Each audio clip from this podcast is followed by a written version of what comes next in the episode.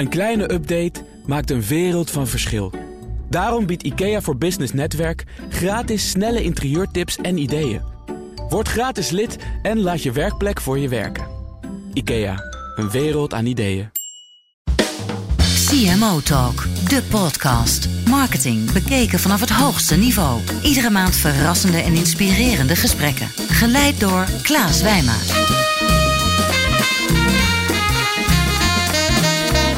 Welkom bij CMO Talk. Ik ben Klaas Wijma van Energize en mijn gast vandaag is Koen Brakenhof. En Koen is hoofdmarketing van het Mauritshuis in Den Haag. In dit interview hebben we natuurlijk alle aandacht voor het nieuwe Mauritshuis na de heropening en Koens visie hoe je cultuur weer hip kunt maken.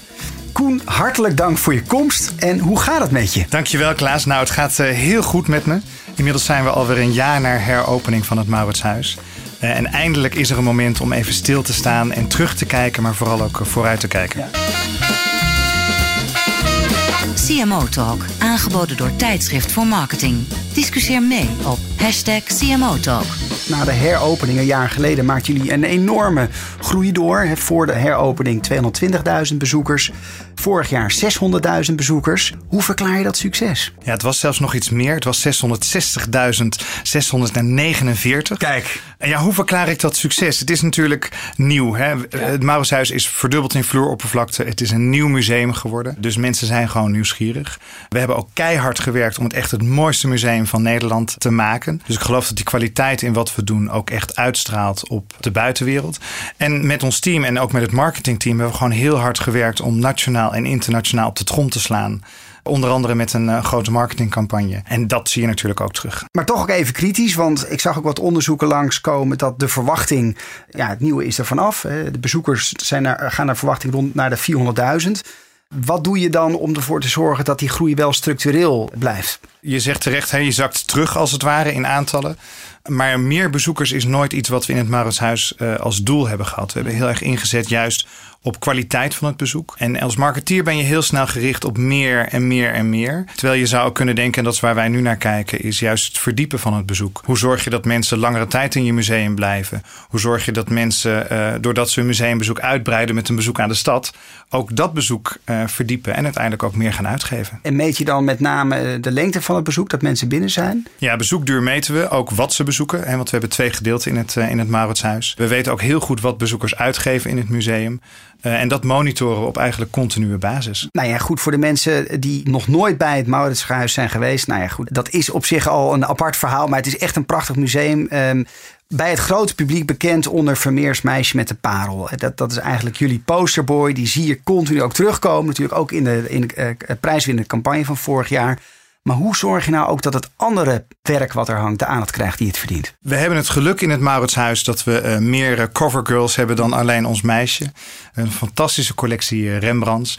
Aan de andere kant moet je ook niet de illusie hebben dat je 800 schilderijen, we hebben een relatief kleine collectie ook ja. nog, is dat je die allemaal voor in de etalage kunt krijgen. Dus als marketeer moet je gewoon ook kiezen ja. en zeggen van voor bijvoorbeeld de buitenlandse markt, zijn wij gewoon het huis van het meisje met de parel. Ja. En daar is helemaal niks mis mee. Nee. En dan helpt het natuurlijk ook nog wel dat het meisje met de parel verfilmd is. Zag je dat ook na die verfilming, zag je daar ook een enorme spin-off op terugkomen?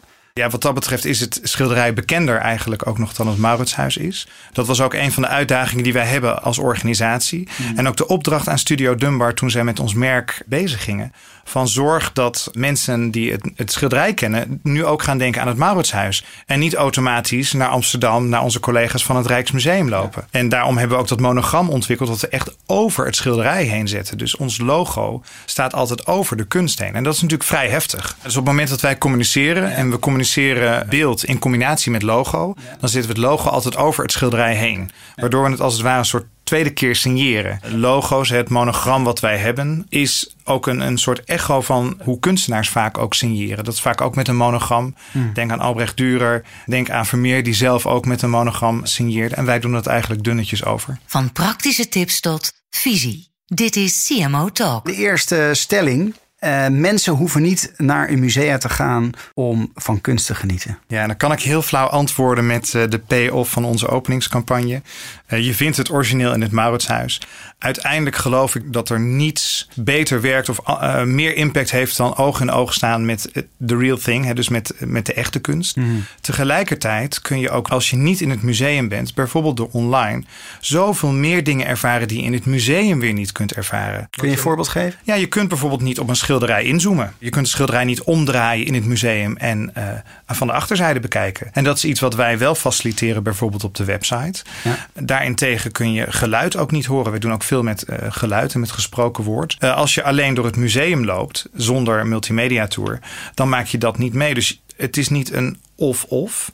En ik denk dat wij als culturele instellingen ook steeds meer leren dat we ook de online bezoekers als bezoeker moeten gaan behandelen en niet online moeten zien als een voorportaal tot bezoek. Ja. Het zou natuurlijk fantastisch zijn als iedereen ooit dat Mauritshuis inkomt. Maar tegelijkertijd weet je ook dat er heel veel bezoekers zijn die dat gewoon fysiek ook niet kunnen. Het Mauritshuis, maar ook de schilderijen die daar hangen, de prachtige werken, het gebouw, de locatie, is op zichzelf ook al een verhaal. Wat je, wat je net aangeeft, dat je ook bijvoorbeeld de achterkant van schilderijen kan bekijken. Maar wat ik op dit moment mis, bijvoorbeeld op de website, is echt die gedachte van storytelling. Volgens mij doen jullie weinig met die bijzondere verhalen wat in het gebouw en om de werken hangt. Of zie ik dat verkeerd? Ja, we pakken daar wel de site voor, maar niet zozeer als hoofdbron. We doen heel veel via Facebook. We hebben een campagne gedaan die juist ook heel erg gaat over storytelling. Mhm. Dat was de openingscampagne. En rondom de tentoonstellingen, bijvoorbeeld met de Frick Collection die we gedaan hebben, hebben we ook een aparte site gebouwd. Waarin we juist alle verhalen kwijt konden.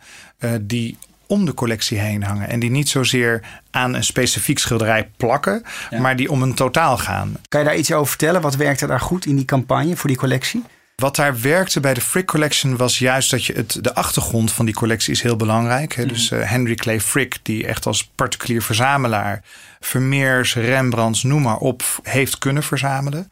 Uh, iets wat wij natuurlijk ook, hè, wij zijn ook eigenlijk vanuit één verzamelaar uh, ontstaan. En dat verhaal vertellen is iets wat je natuurlijk heel lastig op een andere manier kunt doen. Jullie eh, richten jullie niet alleen maar op een Nederlands publiek. Jullie hebben natuurlijk prachtige werken. 60% van jullie bezoek komt inmiddels uit het buitenland. Ik vraag me af, nou ja, goed, als relatief klein museum. Wat doen jullie om internationaal op de kaart te blijven? Ik denk dat je terecht refereert aan Klein Museum. Ik denk dat dat ook een van onze krachten is. Dat uh, menselijke maat wordt heel erg onderschat, geloof ik, in cultuurbeleving. Uh, het gaat niet om de lange, enorme lange galerijen in het Louvre of de fantastische collectie, maar enorm omvangrijke collectie van het Rijksmuseum. En dat maakt ons echt anders dan de musea waar wij ons internationaal mee vergelijken. Wie zijn dat? Uh, National Gallery in Londen, Alte Gemälde in Berlijn en ons eigen Rijksmuseum in Nederland. Ja, okay. En op ons verzamelgebied, dus de 17e eeuwse Hollandse meesters, mm -hmm. uh, zijn wij met elkaar de top 4 in de wereld. Wij onderscheiden ons in het Mauritshuis dan heel erg door maat. Uh, en je vraag is van ja, hoe zorg je dan dat daar ook voldoende aandacht voor is in het buitenland? Ja.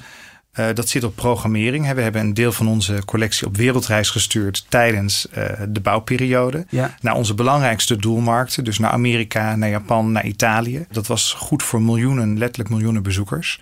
Uh, in Japan soms 15.000 per dag. Dat is denk ik de mooiste reclamecampagne die je als marketeer kunt verzinnen. Ja. Uh, en vervolgens zijn we op dat succes gaan doorbouwen. En dat betekent dat wij investeren in deelnemen in beurzen in het buitenland betekent dat wij buitenlandse journalisten naar Nederland halen bij mm -hmm. openingen. Maar betekent ook dat in de toekomst wij buitenlandse collecties, zoals de Frick Collection, maar volgend jaar de collectie van de Koningin van Engeland, naar Nederland halen. En ja. dat maakt ook dat je weer een link legt met je doelmarkten, om ze ook te bewegen om naar Nederland ja. te komen. En vanuit ons, dus vanuit Nederland, de beweging te maken dat kunst soms ook dient als bijna smeermiddel bij diplomatieke of bij handelsbetrekkingen. Toen wij in New York zaten, mm -hmm. toen wij zelf in de Frick Collection hingen met ons meisje, hebben we ook doelbewust ingezet om de handelsbetrekkingen met Amerika aan te halen. Ongelooflijk. Er ging dus een delegatie vanuit Nederland mee naar New York. Ja. En dat is natuurlijk prachtig. Ik kan me voorstellen dat het een immense operatie is. Hè? Qua beveiliging, qua voorbereidingen om ja, één schilderij, want zo groot is het niet. Als je het oprolt, zou het in je koffer passen. Ik krijg nu heel erg jeuk. Maar kan je daar iets over vertellen? De voorbereidingen die voorafgaan om het meisje dan in New York te laten hangen. Ja, nou, ze heeft gelukkig niet alleen gereisd. Ze reisde altijd in, eh, in goed gezelschap van tenminste 30 andere schilderijen. Maar dat is een jarenlange voorbereiding. Waar uh, niet alleen beveiliging bij komt kijken, maar ook klimaat. Hè, want het is een kwetsbare collectie om te reizen. Maar we verkeren wel in de gelukkige omstandigheid dat uh, de stukken die we uitlenen ook in goede conditie verkeren. Want het is heel mooi dat je dit kunt doen. Het mhm. levert uh, ook geld op, bijvoorbeeld voor de realisatie van de bouw van het Mauritshuis. Maar tegelijkertijd is je eerste verantwoordelijkheid als museum om die collectie te bewaren. Dus als je ook maar enige twijfel hebt of het kan, doen we het niet. Um, gastvrijheid. Uh, wat ik ook zag is dat jullie een nominatie hebben ontvangen voor het beste museumcafé van Nederland. Ik weet uiteindelijk niet of jullie de award hebben gewonnen, maar een nominatie is al prachtig. Gastvrijheid is daar toch wel een van de sleutelwoorden in jullie succesformule. Wat kunnen marketeers nou leren, want marketeers luisteren naar dit interview, van de gastvrijheidsindustrie? Uh, als oud hotello, want uh, zo vraag je hem misschien ook wel. Ja was het bijna onvermijdelijk dat toen ik de klus begon, 2,5 jaar geleden, dat ik gezegd heb: ik wil hem doen. Op voorwaarde dat ik ook gastvrijheid in mijn pakket heb. En dat ik dus echt de hele customer journey van A tot Z kan beïnvloeden. En dat ik niet bij een collega hoofdfaciliteiten of een collega gastvrijheid, als die er zou zijn, moet klagen omdat de bezoekers koude koffie hebben. Ik moet dat gewoon in één vloeiende lijn kunnen doen. We hebben laatst ook met het hele marketingteam de customer journey uitgewerkt. Dus ook de mensen uit de infobalie en de service Bali hebben allemaal een doelgroep gekregen. En zijn vanaf Schiphol, zijn vanaf verschillende plekken in Nederland naar het Mauritshuis gekomen. Mhm. Gewoon om te ervaren wat leer je nu van een keer echt door de ogen van een bezoeker kijken. Ja. En ik denk dat dat is ook wel een, een antwoord op je vraag is. Wat kunnen marketeers leren van gastvrijheid? Dat is gastvrijheid gaat vanuit echt het vertrekken vanuit de ander, vanuit de gast. En wat moet ik doen om jou als gast welkom te laten voelen in het Mauritshuis? En dat zijn niet alleen de bezoekers, maar dat zijn ook de collega's hoe start een nieuwe collega in jouw team? Laat je die los, wijs je zijn bureautje of maak je er echt een hele week van. Waarin je ook echt van tevoren nadenkt over hoe kom je over op die nieuwe collega waar je de komende jaren aan vastzit. Ja. Wat doe je dan specifiek voor die bezoekers? Wat doen jullie dan anders in het Mauritshuis? We zijn nu bezig bijvoorbeeld met een, eh, een interessante gedachte-experiment. Wat zou er gebeuren als wij onze kassa, dus onze servicebalie, zouden benaderen als de lobby van een uh, hotel? En dan ga je dus heel anders denken. Want dan heb je in één keer een uh, voiturier. Dan heb je in één keer een desk waar je terecht kunt om. Een conciërge. Een conciërge, inderdaad. Dan heb je uh, in één keer een kofferservice. Dus alleen al die gedachtegang om echt vanuit een ander perspectief, dus vanuit een andere branche naar je eigen producten kijken. Ik denk dat dat al ja, van... dat is toekomstmuziek, maar dat doen jullie nog niet. Maar wat doen jullie nu al in het Mauritshuis wat bijvoorbeeld jullie anders maakt dan een Rijksmuseum of een ander bekend museum in Nederland? Ja, ik denk dat dat zit op het integrale. Dus dat je meteen al bij de kassa wordt wegwijs gemaakt naar ook de brasserie. Dus dat er al meteen een koppeling ligt. Hm. Dus dat het niet een bijzaak is van je bezoek. We weten ook uit onderzoek dat voor een groeiend aantal mensen het niet zo is dat ze komen voor de kunst. Het is ook gewoon een prima plek gewoon om te zijn. En soms zie je kunst als bijzaak en kom je voor de brasserie die we hebben. Dus ook op die manier probeer je daar naar te kijken. In het kader van een prima plek om te zijn. Jullie zitten natuurlijk op steenworp afstand van uh, de Tweede Kamer. En nou ja, goed, het is natuurlijk in politiek Den Haag op dit moment zeer spannend. Met Griekenland, met, met menig crisisje hier en daar. En zo kan ik me ook voorstellen dat je regelmatig prominente mensen over de vloer krijgt. Wat is het mooiste verzoekersverhaal wat je in dit kader kunt delen? Nou, kan natuurlijk niet heel veel delen. Want uiteindelijk ben je een plek waar het gaat ook om, om juist het niet delen van dingen daar discreet over kunnen zijn. Maar één, één verhaal. Het alleen maar op internet gezet hoor, dit interview. Dus. Nou, één, verhaal wat me heel erg bijbleef was is een paar weken geleden was een delegatie uit Benin, Afrika. Die vroegen mij ook toen ik op een gegeven moment in het museum liep. Ik was al, nou, ik denk een half uur met ze onderweg. Who took these pictures? En dat deed mij beseffen dat we er nooit van uit mogen gaan als marketeer. En dat is denk ik ook een oproep. Die eh, een van de andere CMO's wel deed, dat je vanuit jezelf moet kijken naar je product. Deze mensen hebben musea in Benin, ik bedoel, het bestaat daar. Uh, maar dat zijn historisch georiënteerde musea, dus over de geschiedenis van het land. Die kennen niet het begrip kunstmuseum. Dus het inlijsten van schilderijen, laat staan schilderijen die 3,500 jaar oud zijn, is een volstrekt nieuw concept. Hm. En als je met die verwondering kunt blijven kijken naar je eigen product en dus niet ervan uitgaat van oh ja, iedereen snapt wat 17e eeuwse Hollandse schilderkunst is. En snapt wat je daarmee zou moeten doen. Uh, dat was voor mij wel een, eh, een mooie les. Je gaf het aan, jullie zijn gespecialiseerd met name in die meesters uit de Gouden Eeuw. En ik kan me ook voorstellen dat je daar een bepaald publiek mee aanspreekt. Mensen die kennen jullie met name ook als je echt fan bent van die oud-Hollandse meesters. Vermeer, Rembrandt, je noemde ze al. Maar hoe kan je nou je doelgroep verbreden? Ja, dat is ook een vraag die natuurlijk denk ik veel culturele instellingen Ja. zich, zich stellen. Hè? Dus niet alleen musea, maar ook theaters. Het is ook een beetje de vraag of het de opdracht is die wij voelen. Ehm, als Mauritshuis verkeren een gelukkige omstandigheid dat we een heel brede doelgroep al aanspreken. En dat komt ook omdat we voor toeristen zo'n belangrijke plek zijn om naartoe te komen. Qua locatie dan? Nee, het heeft wel met de collectie te maken. wel, het is ja. echt een must-see in Nederland als je dan eenmaal Nederland eh, aandoet. En tegelijkertijd geloof ik dat we ook nog heel erg kunnen verdiepen in bestaande doelgroepen. Dus we hebben nog lang niet het volledige potentieel benut. En dat geldt denk ik voor heel veel culturele instellingen. Dus je kunt je wel heel erg focussen op nieuw. Maar kijk eerst eens even welke mensen je al bereikt. En of dat je daar niet veel meer mee kunt doen. Dat gezegd hebbende zijn we natuurlijk bezig om ook te kijken. Want onze bezoekers worden ouder. Ja. En hoe zorg je dat die aan de onderkant, dat daar wel weer aan was blijft komen? En een van de dingen die we gedaan hebben direct na de heropening was ook het museum veel langer openstellen. Gewoon fysiek langer openstellen. Eh, op donderdagavond tot 8 uur.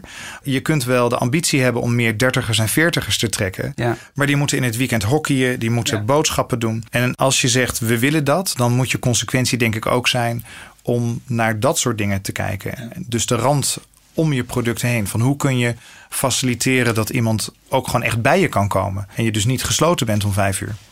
Steeds meer musea en culturele instellingen omarmen digitale technieken om de bezoekerservaringen te verrijken. Nou, je gaf net een aantal voorbeelden al. Aan de achterkant van het schilderij, kijk bijvoorbeeld. Wat doen jullie specifiek en in hoeverre is jullie aanbod echt uniek? Ik pretendeer niet dat we in het volledige aanbod uniek zijn. Een van de dingen die je nu ziet, wat echt super vernieuwend is, is in onze tentoonstelling Rembrandt. Eh, de zaak Sal en David hebben we hem genoemd. Waarin we toewerken naar eigenlijk het- het ontdekken van een nieuwe Rembrandt. Daar zit een applicatie in waarin we een combinatie maken van al het wetenschappelijk onderzoek. wat we met foto hebben kunnen doen. Dus dat betekent, we noemen dat een curtain viewer. waarin je verschillende technieken, dus van röntgen tot aan draden tellen. in één oogopslag kunt zien. En we ontsluiten dat voor het publiek. En ik denk het feit dat we wetenschappelijk onderzoek ontsluiten voor het publiek, dat dat vrij nieuw is. Dat we daar ook een hele tentoonstelling over maken, dat dat nieuw is.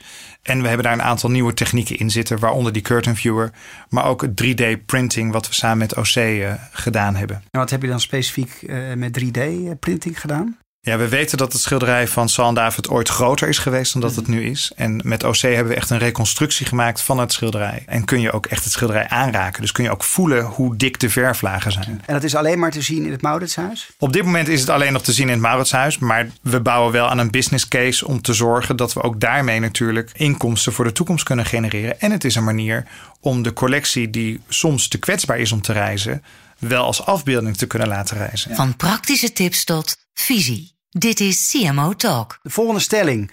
Overheidssubsidies zijn de doodsteek voor innovatie. Leuke stelling. Voor ons is dat eh, als eh, eh, wij hebben een beperkt subsidiedeel in onze inkomsten. We zijn het museum in Nederland wat de minste subsidie per bezoeker heeft. Dus dat, is, dat maakt je wel onafhankelijker. En, maar of het met innovatie te maken heeft, zou ik niet durven zeggen. Ik weet wel dat subsidies, en we hebben daar rondom de opening, maar ook bijvoorbeeld met de bouw van de foyer, die Europees gefinancierd is met EFRO-gelden. Eh, er komt zo ontzaglijk veel kijken bij verantwoording. Dat je daar soms ook wel de lust tot innoveren kwijtraakt. Dus wat zou je zeggen? Ik zou zeggen, het kan je uitdagen om te innoveren. Maar doe alsjeblieft ook wat aan alles wat daar omheen zit aan verantwoording. Want je wil niet zoveel tijd kwijt zijn met het verantwoorden van een innovatie op een niet innovatieve manier. Jullie maken dagelijks gebruik van eh, social media. Jullie zijn actief op eh, Twitter, op Facebook, op eh, YouTube zag ik professionele films langskomen. Om in ieder geval fans en bezoekers aan jullie te binden. Op basis van jullie ervaring, Koen, wat werkt wel en wat werkt juist niet voor het Mauritshuis? We leren steeds meer dat verschillende, of de diverse kanalen voor verschillende boodschappen heel goed werken. Eh, voor ons is Twitter heel belangrijk om direct te reageren, direct antwoord te geven. En omdat je een wereldwijde speler bent, komen die vragen ook echt 24 uur per dag. Ja. Ehm, dus dat is meer op, op service gericht. Daar heb je dan ook iemand lopen die dat ook 24 uur per dag beheert? Ja, Sandra komt ook midden in de nacht gewoon de bed uit om de Twitter te beantwoorden. Of doe je alleen kantoortijden? Nee hoor, nee. Nee, dat is denk ik ook wel de grote verandering die social media gebracht heeft. Je, je bent niet meer kantoortijden. Sterker nog, als museum ben je ook nog eens een keer in het weekend open. En dat is al buiten kantoortijden. Ehm, Facebook gebruiken wij heel erg voor het vertellen van verhalen. En daar merken we dat eh, met name de wedstrijdelementjes, raad welk dit schilderij is, of Ja. uit, dat dat heel goed, eh, heel goed werkt. En eh, LinkedIn gebruiken we meer voor de zakelijke markt. Kun je denken aan, eh, aan vacatures, maar ook aan de commerciële verhuur, die voor ons een hele belangrijke bron van inkomsten is En wat werkt nou echt niet? in discussie gaan is lastig. Of op het moment dat wij reageren op een bericht, maar er komt geen bericht terug. Dus dan wil je graag iets doen met een reactie van een bezoeker. Maar als daar niet meer op teruggereageerd wordt, waardoor je ook zelf de diepte in kunt gaan om te reageren op een klacht of zo, want die komen natuurlijk echt wel voor. Ehm, dan is dat lastig. En dan gewoon de telefoon pakken. Als je telefoonnummer hebt, dan bellen we. En eh, het leuke is dat. eh, dat levert ook wel eens verrassende momenten op. Dat mensen niet verwachten dat je als je online bezig bent, je ook nog wel eens offline eh, contact zou kunnen hebben. Laatste stelling, Koen. Musea moeten gratis worden.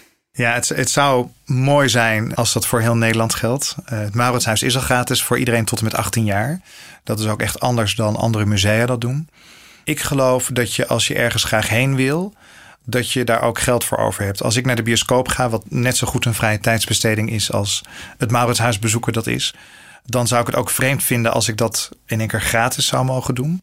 En Ja, daarbij ik vind komt het toch iets anders, want het is cultureel erfgoed. Het is onderdeel van de gemeenschap. En een bioscoop is echt pure entertainment. En, ja, dat zit wat meer op het hedonisme, vind ik. Dat zien wij dan anders. Eh, maar neem het voorbeeld van het theater. Hè. Als je dat dan als meer cultureel erfgoed zou beschouwen. Dat Ja. zou ook vreemd zijn als je daar eh, gratis naar binnen zou gaan. Sterker nog, onderzoek laat zien dat, want je oplossing zit dan zeer waarschijnlijk in een grotere subsidie vanuit de overheid. Omdat je het dan beschouwt als van en voor de gemeenschap. Onderzoek laat zien dat met name de buitenlandse bezoekers, en dit is iets wat in Engeland eh, aangetoond is met onderzoek, dat juist zij profiteren van de gratis entree. En dan denk ik dat je als land verkeerd om bezig bent. Want je wil je toeristen het mooiste laten zien wat je als land hebt. Ja. Maar daar ook aan verdienen. Want, Ja. eh, en dat is denk ik het verhaal wat wij als Mauritshuis ook proberen te vertellen. Dat wij niet alleen geld kosten, maar ook heel veel geld opleveren. En dat is het onderzoek wat we met Deloitte gedaan hebben. Eh, waarin je gewoon ziet dat wij jaarlijks bijna 24 miljoen euro aan de economie van Nederland toevoegen. Oké, En dan dat is positief resultaat. positief Dat resultaat. gaat niet naar de bonussen van de museadirecteur. Eh, Nee, helaas. maar dat verhaal zijn we wel vergeten te vertellen in de culturele sector. Want ja, er gaat subsidie in, maar er komt ook ongelooflijk veel voor terug. Laatste vraag, Koen. We zijn aan het einde gekomen van het interview. Welke marketingtips zou je luisteraars willen meegeven? Ik heb hem al een aantal keren ook in andere interviews voorbij horen komen. Eh, ga de straat op was eh, een oproep. eh, zeer naar mijn hart. Ik denk dat het heel makkelijk is om je te verschuilen of te verdiepen in cijfers, hoe belangrijk die ook zijn. Maar ervaar ook wat je bezoeker ervaart. En luister en praat met ze. En durf af te gaan op je gut feeling. Want uiteindelijk zit je niet voor niets op deze plek. Uiteindelijk ben je niet voor niets perswoordvoerder of marketeer of hoofd van een servicebalie. Je zit daar met een reden, omdat je expertise ergens op hebt. En dat wil niet zeggen dat je de wijsheid in pacht hebt. Maar dat wil wel zeggen dat je ook op dat gut feeling mag vertrouwen. Hartelijk dank voor je medewerking, Koen. En luisteraars, ook jullie bedankt voor het luisteren. Voor meer informatie, kijk op cmotalk.nl. Of als je vragen hebt, eh, twitter me, mail me, bel me. Eh, in ieder geval mijn mailadres is klaas.energize.nl of discussieer mee op hashtag CMOtalk. Dankjewel. Dank voor het luisteren naar de CMO Talk podcast. Ga voor meer afleveringen naar cmotalk.nl. CMO Talk wordt aangeboden door Tijdschrift voor Marketing en is ontwikkeld door Energize en voicebooking.com.